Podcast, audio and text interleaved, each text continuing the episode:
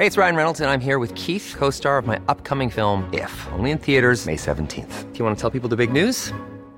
All right, I'll do it. Sign up now and you'll get unlimited for $15 a month in six months of Paramount Plus Essential Plan on us. Mintmobile.com slash switch. Upfront payment of $45 equivalent to $15 per month. Unlimited over 40 gigabytes per month. Face lower speeds. Videos at 480p. Active Mint customers by 531.24 get six months of Paramount Plus Essential Plan. Auto renews after six months. Offer ends May 31st, 2024. Separate Paramount Plus registration required. Terms and conditions apply if rated PG. Hiring for your small business? If you're not looking for professionals on LinkedIn, you're looking in the wrong place. That's like looking for your car keys in a fish tank. LinkedIn helps you hire professionals you can't find anywhere else, even those who aren't actively searching for a new job but might be open to the perfect role. In a given month, over 70% of LinkedIn users don't even visit other leading job sites. So start looking in the right place. With LinkedIn, you can hire professionals like a professional. Post your free job on linkedin.com slash achieve today. Med jer. Ej, du ligner en podcastvært. ja, jeg har lige ansigtet til det, ikke? Ja. Nå, I to. Sidste gang vi dækkede et amerikansk valg, der var jeg jo som mellemlederagtig og sendte jer et uh, Excel-ark over, hvornår I skulle få lov til at sove, og hvornår I skulle i fjernsynet og sådan noget. Det har jeg fået en del røg for. Uh, det gjorde jeg ikke den her gang, så lykkedes det rent faktisk at få sovet noget i nat. Nej. Jo, 5, 4, 4, 5 timer. Ja, samme her. Jeg havde planlagt at sove længere, men det kunne jeg ikke. Du skulle op og følge med. Ja, det har jo været spændende.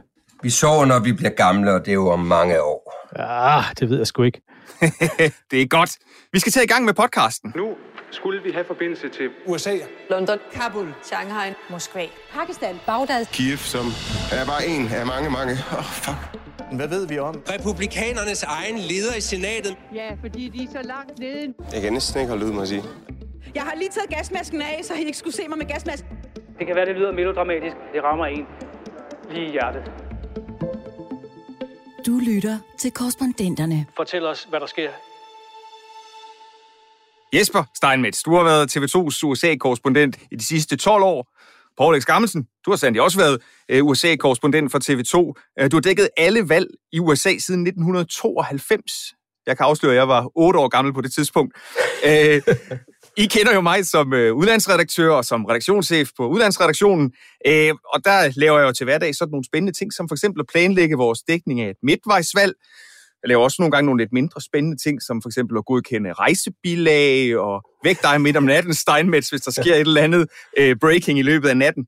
Og nu er jeg så også blevet podcastvært. Så velkommen til det allerførste afsnit af Korrespondenterne. Øh, det skal selvfølgelig handle om midtvejsvalg, og så håber jeg, at I kan være med til at besvare en stor undren, jeg går rundt med. Hvad er det, der er gået galt med USA? Men i dag, der skal det selvfølgelig handle om midtvejsvalget, som netop er overstået i USA. Jesper, hvilken oplevelse fra dækningen af den her valgkamp øh, har gjort størst indtryk på dig? Jeg tror faktisk, øh, det var, da jeg var i Wyoming øh, og taler med republikanske vælgere, der alle sammen havde stemt på Donald Trump, både i 16 og i 20. Og for første gang var der nogle af dem, der sagde til mig, nej, han er ikke fremtidens mand. Vi skal bruge en anden til at stå i spidsen for vores parti til at stille op til præsidentvalget i 2024. Der, der faldt tigeren lidt for mig og tænkte, hold da op, nu begynder det lige så stille. Nu begynder bevægelsen væk fra Trump.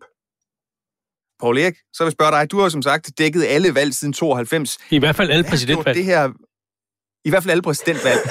Hvad, hvad, vil du, hvad vil du huske det her? Jeg synes, det du er alt for beskeden, Paul Erik. Du har dækket alle valg i hele verden siden 92. I hvert fald i min opfattelse af dig.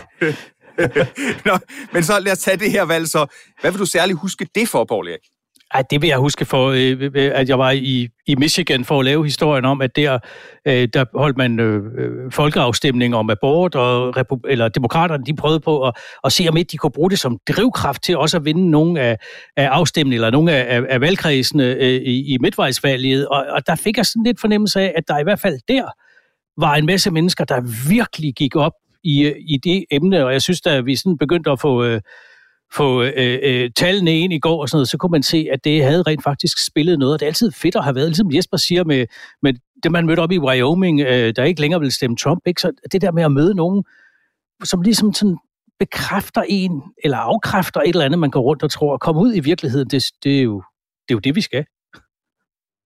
Ja, fordi det, abort, det er jo et af de der emner, som, som jo fylder meget lidt i, i, øh, i Danmark og diskuterer, men det er jo virkelig noget, der, der tænder øh, ild, i, øh, ild i nogle holdninger i, i USA.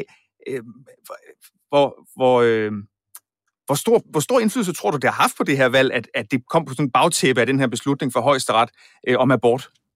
Det tror jeg faktisk har haft øh, ret stor indflydelse. Altså, jeg synes, når man så på øh, de exit polls, der, der, der kom i går, så øh, det, det, det emne, som flest sagde var det vigtigste, det var inflation. Det kom jo ikke bag på os.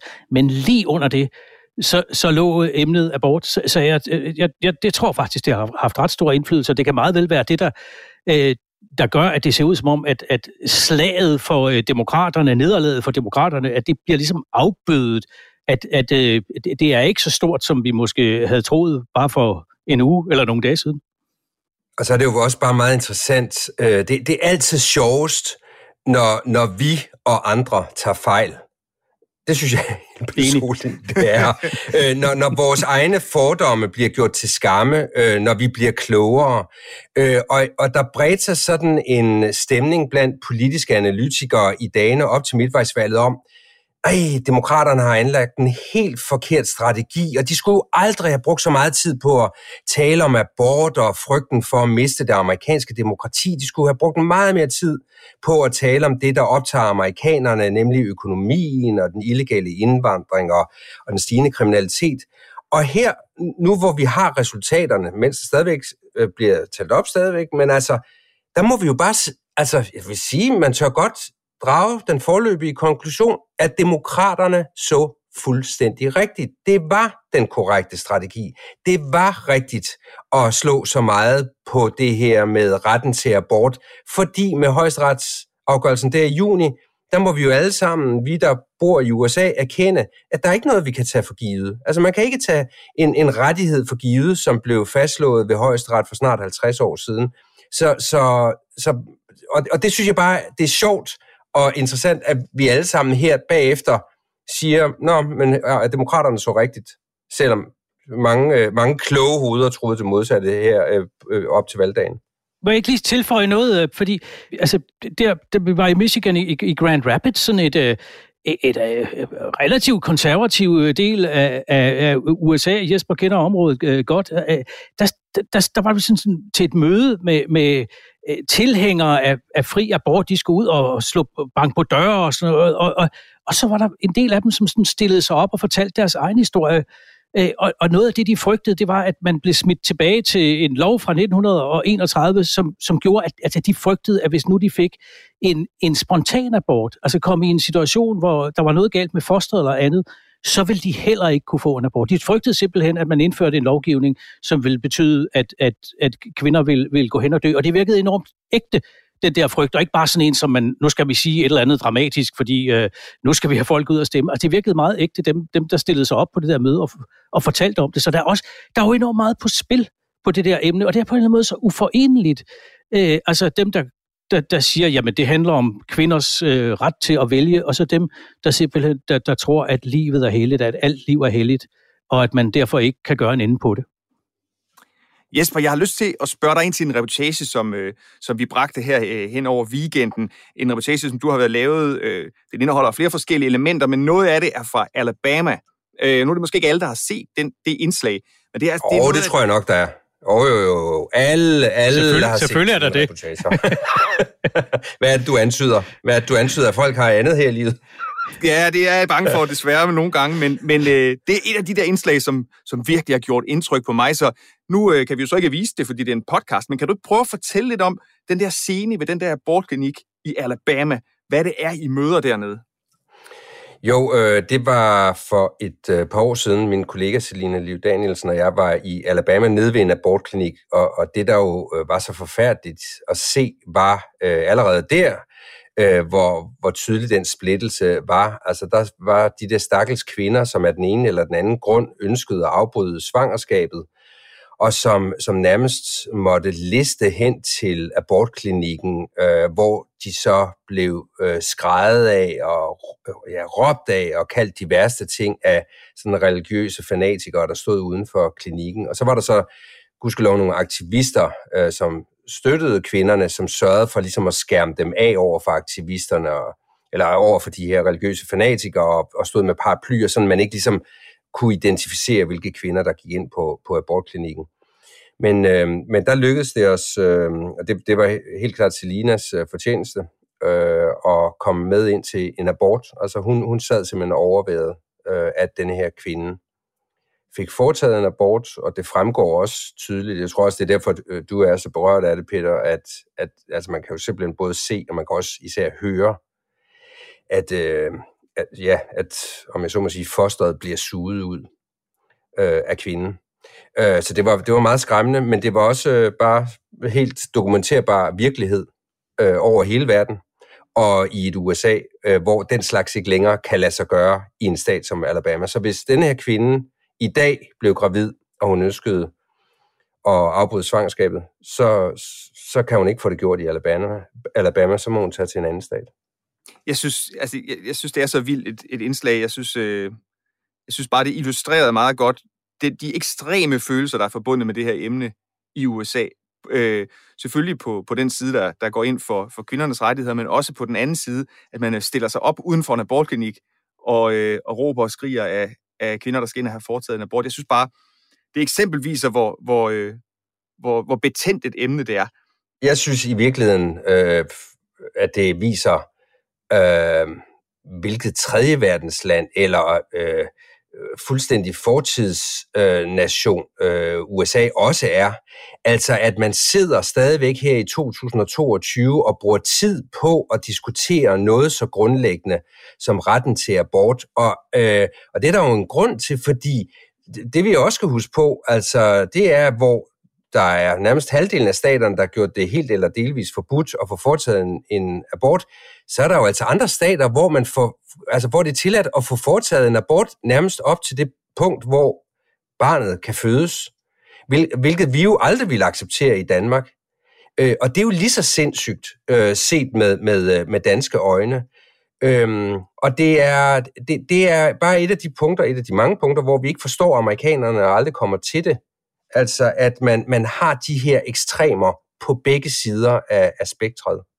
Ja, men det er jo også på en eller anden måde, øh, øh altså en del af årsagen i hvert fald er jo også den måde, hvor aborten blev indført i USA, for den blev ikke indført ved en, en lov vedtaget i kongressen og underskrevet af præsidenten, den blev indført ved en højesteretsbeslutning, og når, når det sker, så er det som om, så bliver det fuldstændig frosset.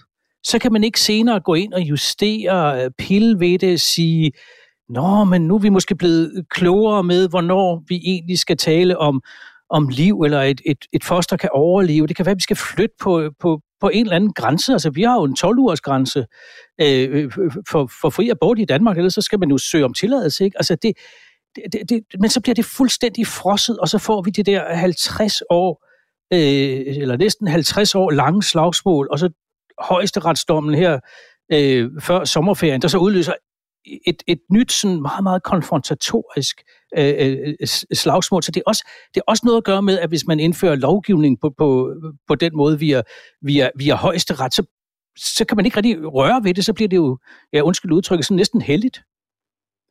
Vi har prøvet at lave sådan et lille sammenklip for at prøve at illustrere nogle af de her meget voldsomme følelser. Vi har lavet et sammenklip med, med nogle af de mennesker, vi har vist øh, reportager med her øh, i løbet af, af midtvejsvalget.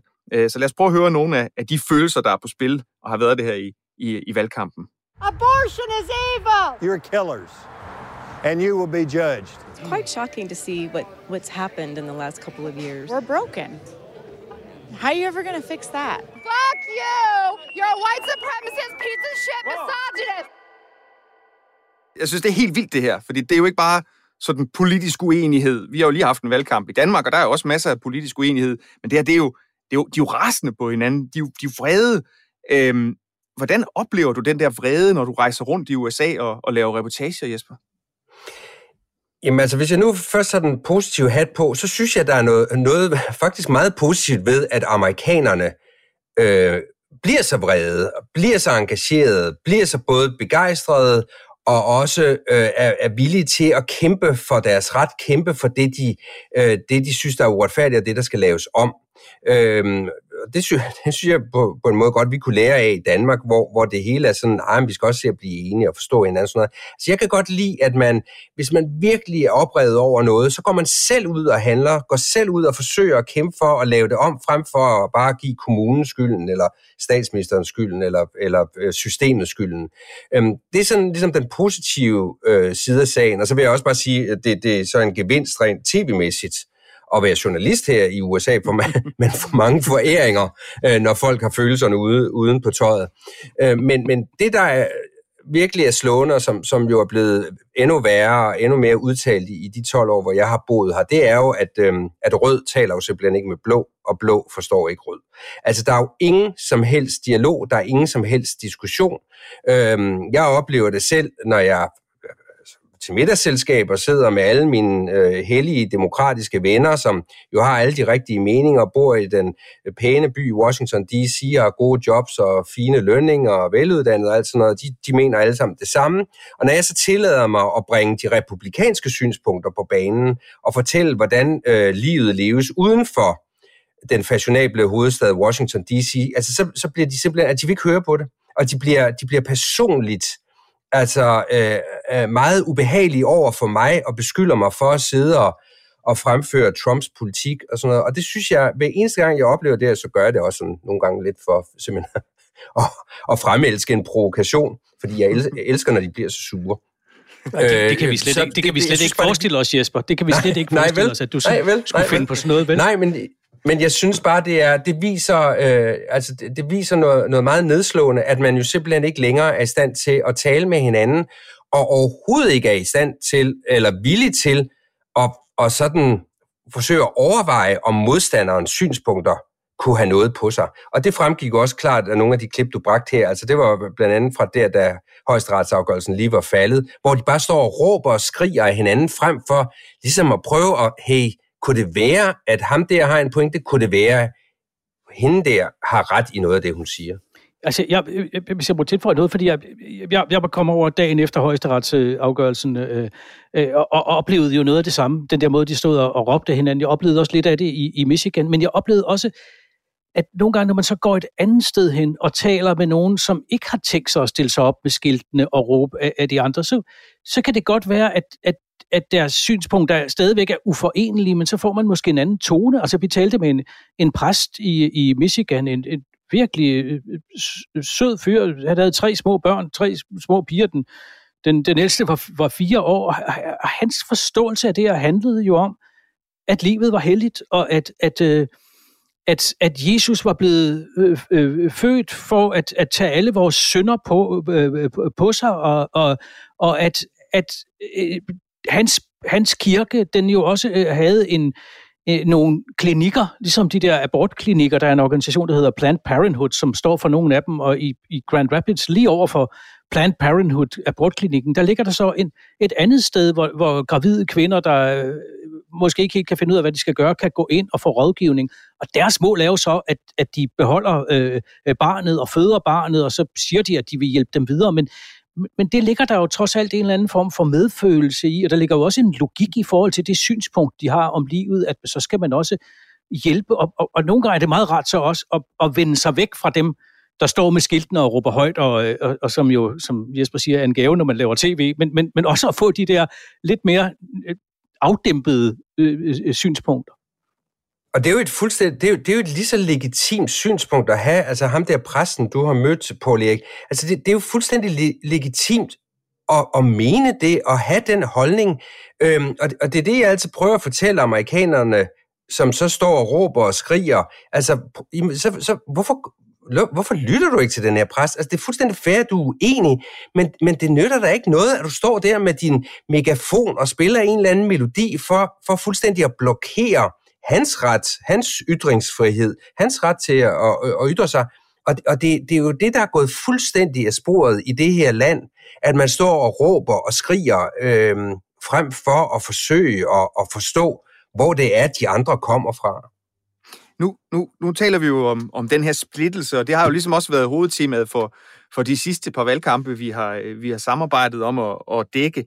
Øhm, og det har jo fyldt meget i, man kan sige, i, de, i de 12 år, du har været derovre, Jesper. Det har jo været sådan en overlægger øh, i en del år nu, men det var vel anderledes, Paul Erik, øh, omkring årtusindskiftet, da, da du var korrespondent i USA. Kan du huske, hvornår du begynder sådan at tænke, eller første gang støder på en situation, hvor du, hvor du tænker, hold da op, de går nok på vej i hver sin retning, de her to fløje? Uh, ja, det er faktisk der omkring øh, årtusindskiftet. Altså, det har jo altid været et land, hvor der har været konfrontatorisk. Altså, de kæmpede en ualmindelig blodig borgerkrig engang, hvis vi skal gå, skal gå langt nok tilbage. Men, men, men omkring årtusindskiftet, valget øh, øh Al Gore mod, mod øh, George W. Bush, der, der synes jeg, der begyndte jeg at opdage det der med, at amerikanerne ikke bor samme sted. Altså det, som Jesper siger med, at så møder han sine demokratiske venner i, i, i Washington, og de har ingen forståelse for dem, der bor et andet sted og har et andet øh, synspunkt. De vil ikke engang høre på det.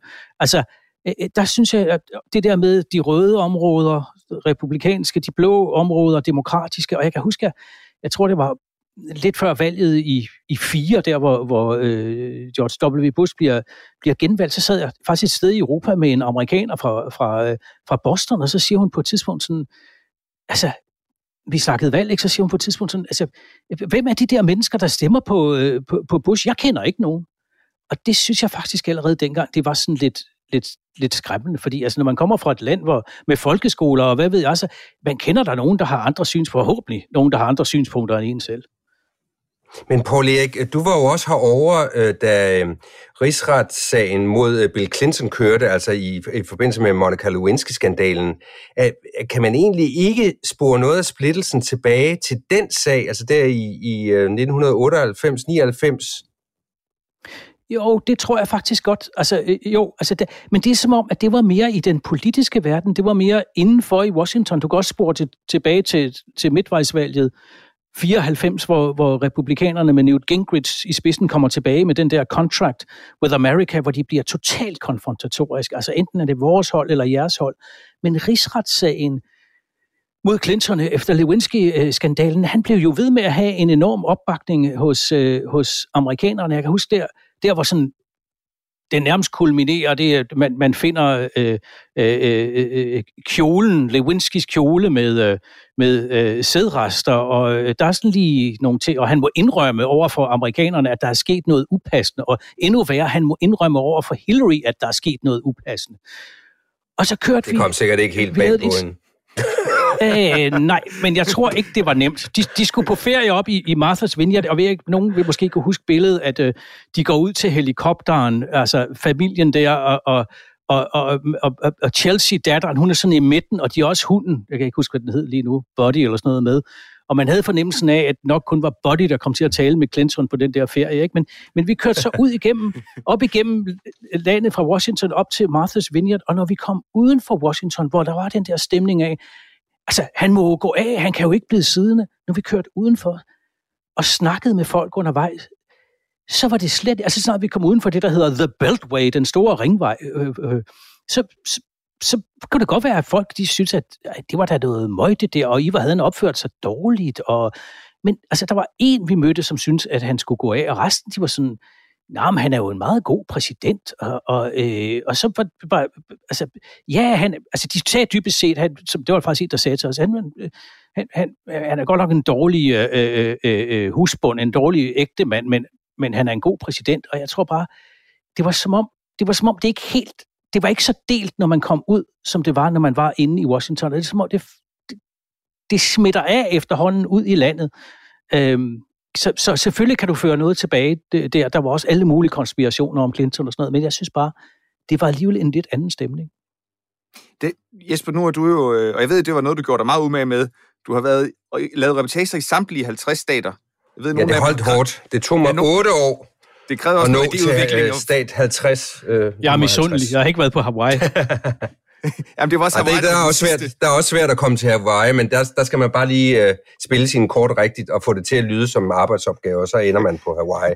Jeg købte det fuldstændig. Så ja, ja, ja. Du, du noget med Nordkorea og noget. Så var vi på vej. Men det som, når man kigger udefra, når det vi taler om her med, at med, med det by og land, og der er ikke, jeg kender ikke nogen, der stemmer, der har stemt på Bush og så videre. De der 50 stater, er det overhovedet det samme land, du bevæger dig rundt i? Nej, altså, det, det er bestemt ikke mit indtryk. Altså, de har den samme valuta, og de har den samme præsident, men det er så sikkert også, og så også øh, taler de fleste af dem engelsk, øh, og det er så ikke engang en fællesnævner så meget længere, fordi mange steder taler de spansk.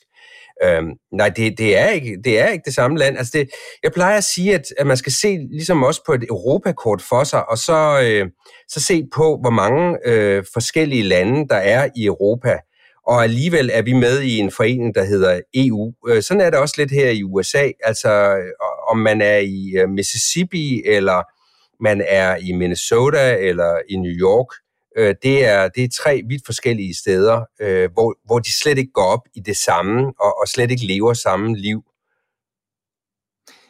Du, du, for, sjov, for sjov skyld, tror jeg, Paul Erik, til et redaktionsmøde for nylig, omtalte du nogle af staterne som nordstaterne, altså selvfølgelig med en reference til den, til den gamle borgerkrig. Øh, der er jo også folk, der spekulerer i, om det her land er ved at falde fra hinanden. Altså, om, de, om der findes en måde at løse de, den her splittelse på. Køber I ind på... Øh... Jeg kan ikke huske, hvad det var for et emne, men det var et eller andet, hvor det var som om, at, at, at den der gamle linje mellem Nord- og Sydstaterne, det var stadigvæk den, der delte den, det, dem i, i, i, i det spørgsmål der. Men tror I på dem, der siger, at, at det her land risikerer at, at krakelere? Altså, jeg, jeg, jeg, jeg, kan, øh, jeg abonnerer ikke helt på det der med, at de er på vej mod en borgerkrig, for jeg kan ikke rigtig se, hvem det er, der skulle kæmpe mod hvem. Men, men altså, jeg abonnerer til gengæld meget på den dystre forudsigelse om, at det her er et land i opløsning. Øh, det synes jeg øh, i, i høj grad, det er. Og, og jeg, jeg må sige, jeg tror ikke rigtigt, der er nogen, der i hvert fald på nuværende tidspunkt kan, kan hele de der enorme forskelle Øh, fordi når de netop står der og råber af hinanden, og når de truer hinanden, og vi så, hvad der skete 6. januar for et år siden, hvor det jo både udviklede sig til vold og, og også folk, der blev dræbt, øh, så er der godt nok lang vej igen. Og vi har jo også set, altså Øh, øh, for eksempel øh, den øh, militante gruppe, der ville øh, kidnappe og øh, ville i virkeligheden likvidere øh, øh, guvernøren i Michigan, Gretchen Whitmer. Whitmer. Altså det er jo sådan, det er jo nærmest sådan en, øh, det er jo forkert at sige, det er sådan en borgerkrigsagtig handling, men, men så måske alligevel, altså jeg har, jeg, nu viser jeg lige en bog, ikke? altså How Civil Wars Start, som er, er en bog skrevet af en, som jeg lige har gået i gang med, så jeg kan ikke give jer referatet af det hele, men, men en, en amerikansk øh, samfundsforsker, som har brugt sin, karriere, Barbara Walters hedder hun, Barbara F. Walters, øh, på at studere borgerkrig i alle mulige andre steder i verden. Hvad er det, der karakteriserer dem? Hvad, hvordan starter de? Hvad er det, der sker? Og så, så øh, øh, er det nærmest som, hun vender sig om og begynder at kigge på sit eget land, og så opdager hun simpelthen nogle træk, der, der minder om det. Altså, og, og, og hendes pointe når du siger, Jesper, hvem skal kæmpe mod, mod hvem, det er, at jamen, man skal slet ikke kigge på borgerkrisen som den gamle borgerkrig, nordstaterne mod sydstaterne, var der sådan regulære herrer, men det der mere med, at der er bevæbnede militante grupper og måske øh, øh, øh, øh politiske mor, attentater, øh, lignende, og, og, og der kan man da i hvert fald se nogle antydninger af, af et eller andet. Altså, øh, øh, jeg har det bare altid lidt svært med den der med, at det hele går i stykker. Altså, jeg bliver lidt skeptisk. Ja. Den, den, øh, der er ingen tvivl om, at den politiske vold øh, kommer vi til at se øh, mere af. Øhm, og, øh, og, og, så, så altså det der 6. januar-scenarie, det er sikkert ikke sidste gang, vi har set i hvert fald forsøget på at bruge vold for at få øh, sin vilje. Men derfra så til, at det udvikler sig til en decideret borgerkrig, det har jeg bare lidt svært ved at se, men altså det, det går bare i en mere voldelig retning. Altså det ser vi også på en øh, række andre områder, og det er jo fordi, øh, de synes, det er så lækkert at have alle de våben, og det skal der i hvert fald ikke pilles ved. Altså, der er jo flere våben, end der er borgere i det her land. Og det er jo dømt til øhm, og, øh, at ende fatalt, øh, og, og, og det kommer til at ske igen og igen og igen, fordi man ikke begrænser adgangen til våben. Ja, apropos øh, Jesper, så var du også ude at lave et indslag om, øh, om øh, en af de løsningsforslag, man så var kommet med i forhold til at, at dæmme op for skoleskyderier. Det var så at træne alle lærerne i at, at bruge våben. Ja, øhm, er det ikke fantastisk? Nogle af de der vanvittige historier, øh, øh, abort, øh, våben osv., påvirker det jeres kærlighed til det her land? Har det påvirket dit, øh, dit indtryk af, af USA ved at, ved at have, have set alle de her mørkere sider af landet, Jesper? Ja, altså det gør mig, det, det er derfor, jeg siger, at jeg synes, det er et land i opløsning. Øhm, jeg, jeg er meget pessimistisk Øh, altså, jeg, jeg, jeg, men måske det er også alder, der spiller ind her. Øh, altså, jeg er ældre end jeg, dig. Jeg, jeg har meget, meget svært. jamen, jeg er meget svært ved at, at se et håb øh, for det her land. Så gudskelov, så møder man jo så, øh, også når man er ude at dække øh, sådan en valgkamp her, så, så møder jeg jo folk, som, som netop øh, gør noget godt, og, og stadigvæk øh, øh, kæmper øh, for det rigtige og for det gode, og ikke vil have våben og sådan noget, så, så får man momentvis håbet tilbage. Men, men jeg synes, det går den forkerte vej. Som, som jeg prøvede at, at, at, at sige før, så bliver jeg altid sådan en lille smule... Jeg, jeg, jeg har nogle gange lidt svært ved det der sådan lidt alarmistiske, men, men, men, men jeg synes, der er alle mulige øh, faresignaler. Altså, øh, øh, og, øh, omvendt, så er der jo også, det kender du også Jesper, så er der jo en hel masse mennesker, man møder, som jo bare øh, vil leve et, øh, et godt, øh, sikkert liv, øh, og som ikke for alvor måske er helt ude på den ene fløj, eller helt ude på den, på, på den anden fløj, altså som, som, som jo også er bekymret for, for, for det, der sker, og som måske kan stoppe det. Jeg ved ikke helt hvordan, men måske kan. Altså, øh... Men må jeg ikke komme med et lille bitte eksempel, som, som var noget, øh, jeg stussede over forleden dag. Der var jeg nede i en brilleforretning, fordi jeg skal have nye briller. Se, det er alderen, der trykker igen. Øhm, og øh, den har jeg været i før, for at få briller. Og denne her gang, der øh, kom jeg øh, til forretningen, og så var døren låst. Og så tænkte jeg, det var da underligt, fordi det er, jo, det er jo øh, tidligt på eftermiddagen, har de virkelig lukket på sådan en højhellig onsdag. Jamen det havde de ikke. Men døren er nu permanent låst, og så sidder der en lavt betalt sikkerhedsvagt lige inden for døren, og det er så hendes opgave at åbne døren for mig. Det synes jeg i sig selv er meget, meget nedslående. At vi er nået dertil, at man i en brilleforretning bliver nødt til at låse døren af frygt for, at øh, folk kommer ind og stjæler brillestil. Det, det, det fortæller altså noget større om et samfund, som ikke er i balance. Øh, at, og det fortæller også noget om frygt fra den ene del af, af befolkningen mod den anden del. Øh, at, øh, at, man, at man i stigende grad barrikaderer sig Øh, og som du siger, øh, Paul Erik, de fleste har jo bare den ambition, de vil leve stille og roligt og passe deres arbejde og være søde ved deres familie og tilbringe deres fritid sammen med børn og sådan noget. Men det synes jeg bare, det synes jeg er meget nedslående. Og det var ikke fordi, du skulle have sådan nogle øh, Liberace-briller med diamanter eller sådan noget, vel? Nej, de vil ellers klæde mig, jeg er sikker på. ja, det tror jeg også. Nå, venner, tiden iler. Jeg synes, vi skal, vi skal vende tilbage til, til den indikation om fremtiden, vi dog trods alt har fået med sådan et midtvejsvalgsresultat. Som vi lige var inde på før, så gik det jo sådan set ikke, som der var så mange af os, der havde regnet med. Øhm, Jesper, kan du ikke prøve at sige lidt om, hvad, hvad der egentlig kom, er kommet mest bag på dig øh, ved det her valgresultat, vi har set? Det kommer bag på mig, at demokraterne ikke ser ud til at tabe større, end de gør. Altså, det parti, som præsidenten kommer fra, taber stort set altid øh, midtvejsfaldet efter de første to år med præsidenten. Der, det, der er meget få undtagelser til den regel. Øh, det skete selv for Obama, som jo var altså nærmest øh, øh, Jesus selv, der kom til byen i, i 2009.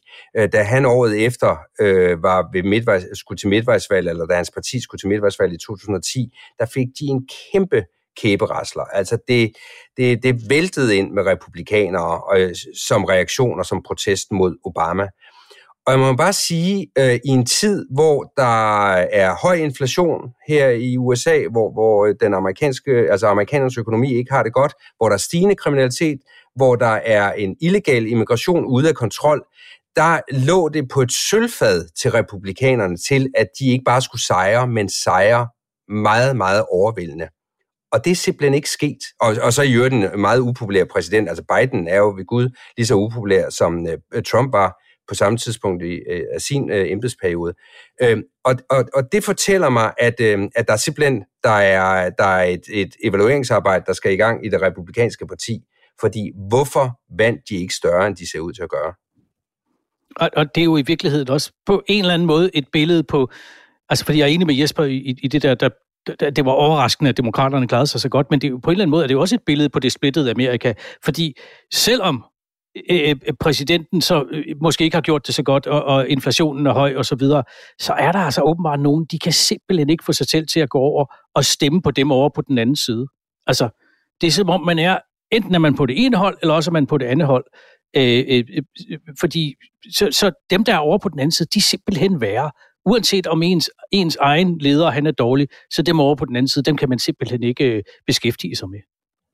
Jamen, det ved jeg faktisk ikke, om er helt rigtigt, fordi vi så øh, i, øh, i staten, for eksempel i, i staten Georgia, hvor de jo stadigvæk er i gang med at tælle op, der vandt den republikanske guvernør Brian Kemp faktisk meget overbevisende. Mens den republikanske senatskandidat, øh, den tidligere fodboldspiller Raphael Walker, han øh, skal nu i omkamp med, med, med sin modstander fra, fra demokraterne den 6. december. Og det, det synes jeg er et e-, eksempel på, at vælgerne faktisk godt kan skælne, at de siger godt, vi vil faktisk gerne have ham, den republikanske guvernør, fordi han har gjort det rigtig godt de sidste fire år, men vi vil, om jeg så må sige, edderbuk med ikke have ham, øh, fodboldspilleren, som ikke aner en kæft om politik, og som i øvrigt er støttet af Donald Trump. Det vil jeg, det vil jeg godt give dig ret i, det der, Jesper, men, men det er jo en, en relativt lille gruppe inde i midten. Altså for en masse mennesker, der kunne, der kunne, det, der kunne ens eget parti jo stille en, en, en hund eller en kat op, og de ville stadigvæk få stemmen. jeg, en af de, de, en af de historier, som, som jo også har været meget fremme, det, det har været uh, Ron DeSantis. Jeg så lige Fox News skrev, at uh, det republikanske parti har fået en ny leder. Og det sad der nok en mand nede på Mar-a-Lago og er noget utilfreds med. Han spørger stadigvæk i kulissen Trump. Hvordan, øh, Paul Erik, har du, kunne, har du kunne mærke det, siden du kom til USA, at at, han, at, at, han stadigvæk en, en mand, som, som der bliver talt om? Ja, altså, det må man sige. Der bliver talt om ham øh, øh, øh hele tiden, men, men øh, øh, altså, ikke, jo ikke nødvendigvis, og heller ikke i republikanske kredse, kun for det gode. Altså, og jeg synes, at, at, at det her midtvejsvalg, hvor de Trump-støttede kandidater, altså dem, dem, som han sørgede for vandt primærvalgene, for eksempel øh, senatskandidaten øh, Mehmet Oz i Pennsylvania, og øvrigt også øh, guvernørkandidaten deroppe, Doc Mastriano, som, som øh, øh eller Mastriani, som, som, som tabte stort. Øh, øh, øh, øh, at det, at de tabte, det har jo gjort, at, at nu er der nogen af dem, som jo ikke elsker Trump, men så bare har været nødt til at finde sig i ham i det republikanske parti, fordi han var så stærk, som jeg lige vil sige, lugter blod, som synes, at for første gang er han måske svag nu. Det, det er nu, de kan gå efter ham. Og så har de det der, det der alternativ i, øh, øh, i, i, i, i uh, DeSantis og sådan noget. Men, men altså, men der, vi, vi kender jo trods alt noget til Trump, og han lyder jo ikke, som om han bare har, har tænkt sig at sige, det var også min skyld, det må I undskylde, jeg trækker mig. Det tror jeg ikke i hvert fald.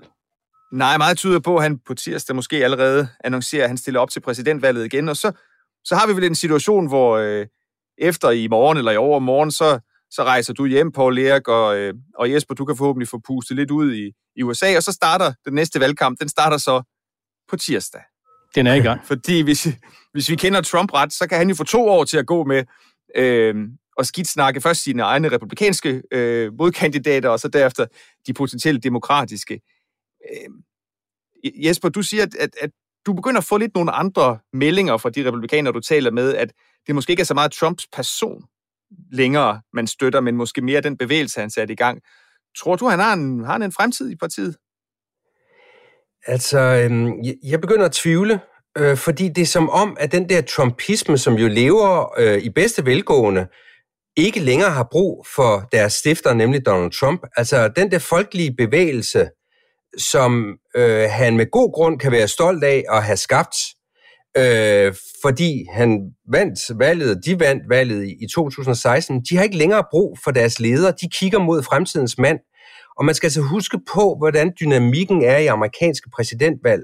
Vælgerne kigger altid mod fremtiden. Og øh, Donald Trump er indtil videre ikke kommet med et eneste bud på, hvordan han vil løse de nuværende problemer i USA.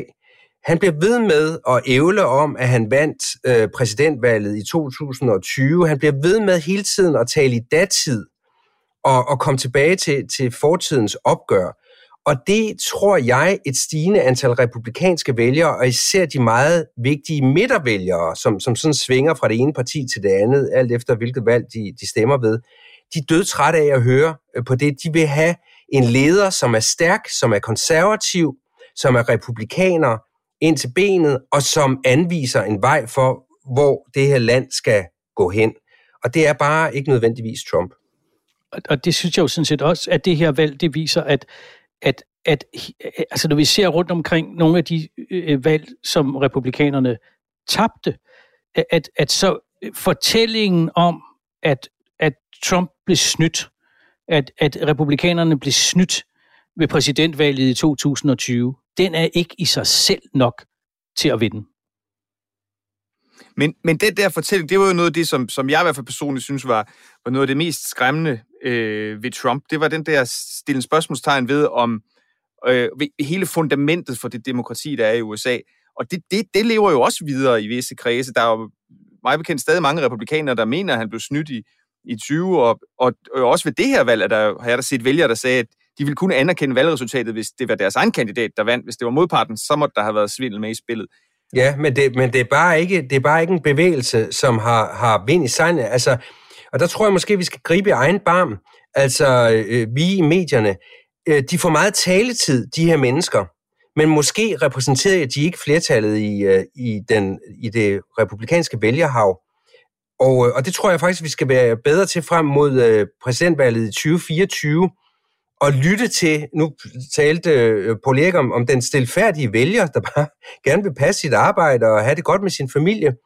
Vi skal simpelthen øh, fokusere mere på den stilfærdige vælger, den moderate vælger, som er træt af, at der er kriminalitet i nabolaget, øh, som, som er bekymret for sin økonomiske situation, øh, men, men som ikke er villig til og, og, og gå med de der ekstreme kandidater, øh, der, der siger, at øh, Trump blev snydt osv.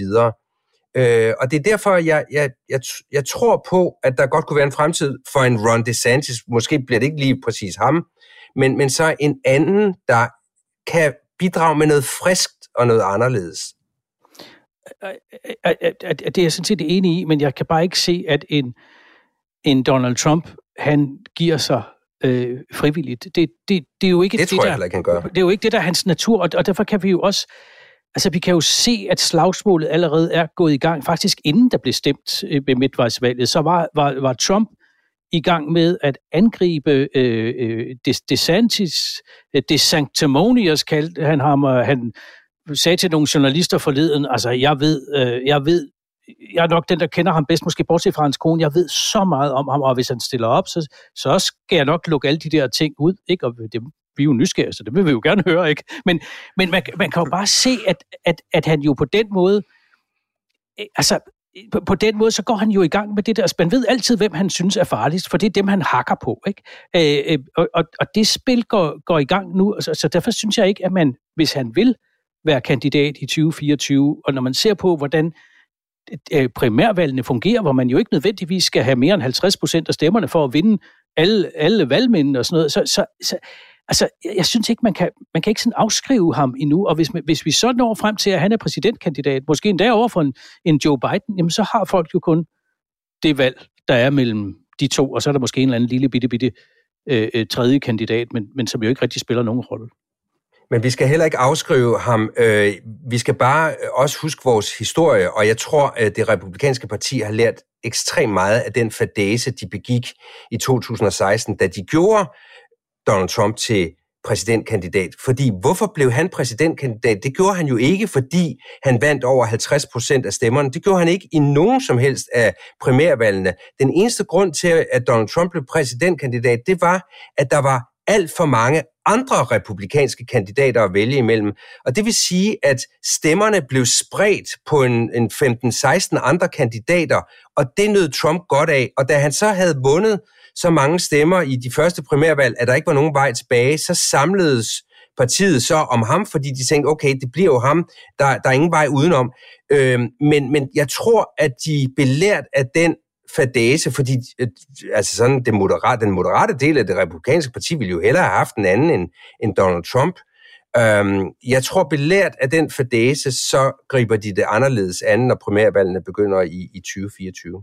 Men altså, Jesper, hvis du går tilbage til... Der, du stod jo selv foran kongressen øh, 6. Januar sidste år, ikke? og så det der øh, angreb, der var fra, fra Trump-tilhængere. Og der er der jo folk højt oppe i det republikanske parti, siger, der, der siger, nu er han gået for vidt, nu er han færdig.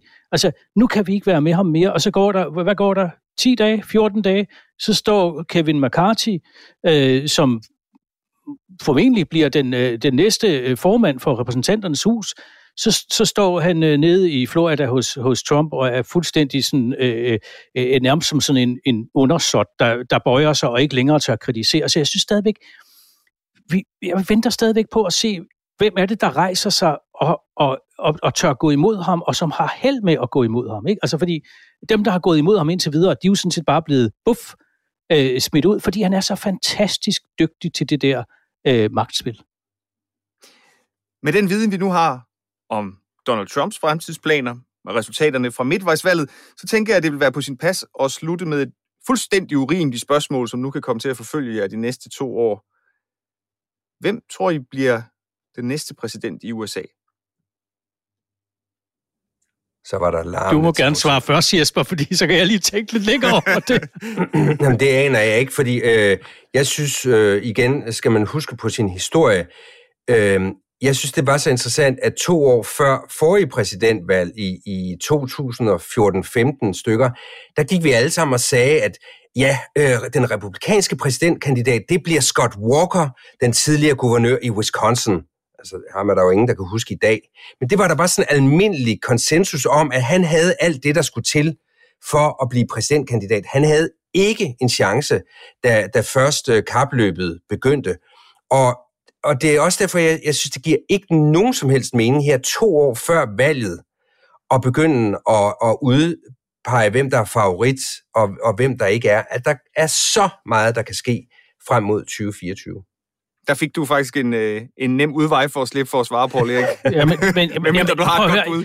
Prøv at høre, jeg er sådan set enig, og jeg synes jo sådan set, noget af det, som Jesper også sagde tidligere, det sjoveste er jo, når verden kommer bag på os. Det er jo det, er jo det nyheder består i. Altså, og, og, og, jeg kan huske, at jeg i, det må have været i 2007, da, da Bill Clinton var i København, han havde udgivet en bog, jeg interviewede ham, og jeg var på scenen til sådan et arrangement med ham, og så, så vil jeg også lige snakke Hillary Clinton, som jo dengang altså, der var jo ingen i nærheden af hende i det demokratiske parti. Det var selvskrevet, at hun skulle være kandidaten i, øh, i 2008, og så det sagde jeg stort set i et spørgsmål. Og så var han jo, så var han som min salig øh, noget overtroiske gamle mor, så kunne han jo ligesom sådan øh, banke under bordet og slå syv kors og smide salt over skulderen og hvad man ellers gør. Fordi, åh, altså det, det kunne man, man, måtte ikke, man måtte ikke sige, at den er hjemme. Det må man heller ikke sige i amerikansk politik. Og det endte jo sådan set med, at øh, så dukkede der en Obama op, og så pludselig så var, var Hillary slet ikke øh, kandidat. I hvert fald ikke før otte år senere, og der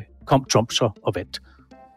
Jeg tror, vi, øh, vi slutter af øh, på den kommentar, Paul Erik. Øh, ingen tvivl om, at det i hvert fald bliver to spændende år, og formentlig også temmelig uforudsigelige. I to, I skal... Øh, spænde slipset, fordi I skal i fjernsynet lige om lidt.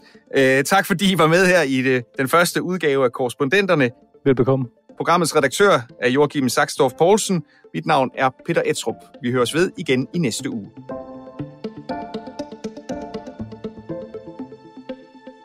Du har lyttet til en podcast fra TV2.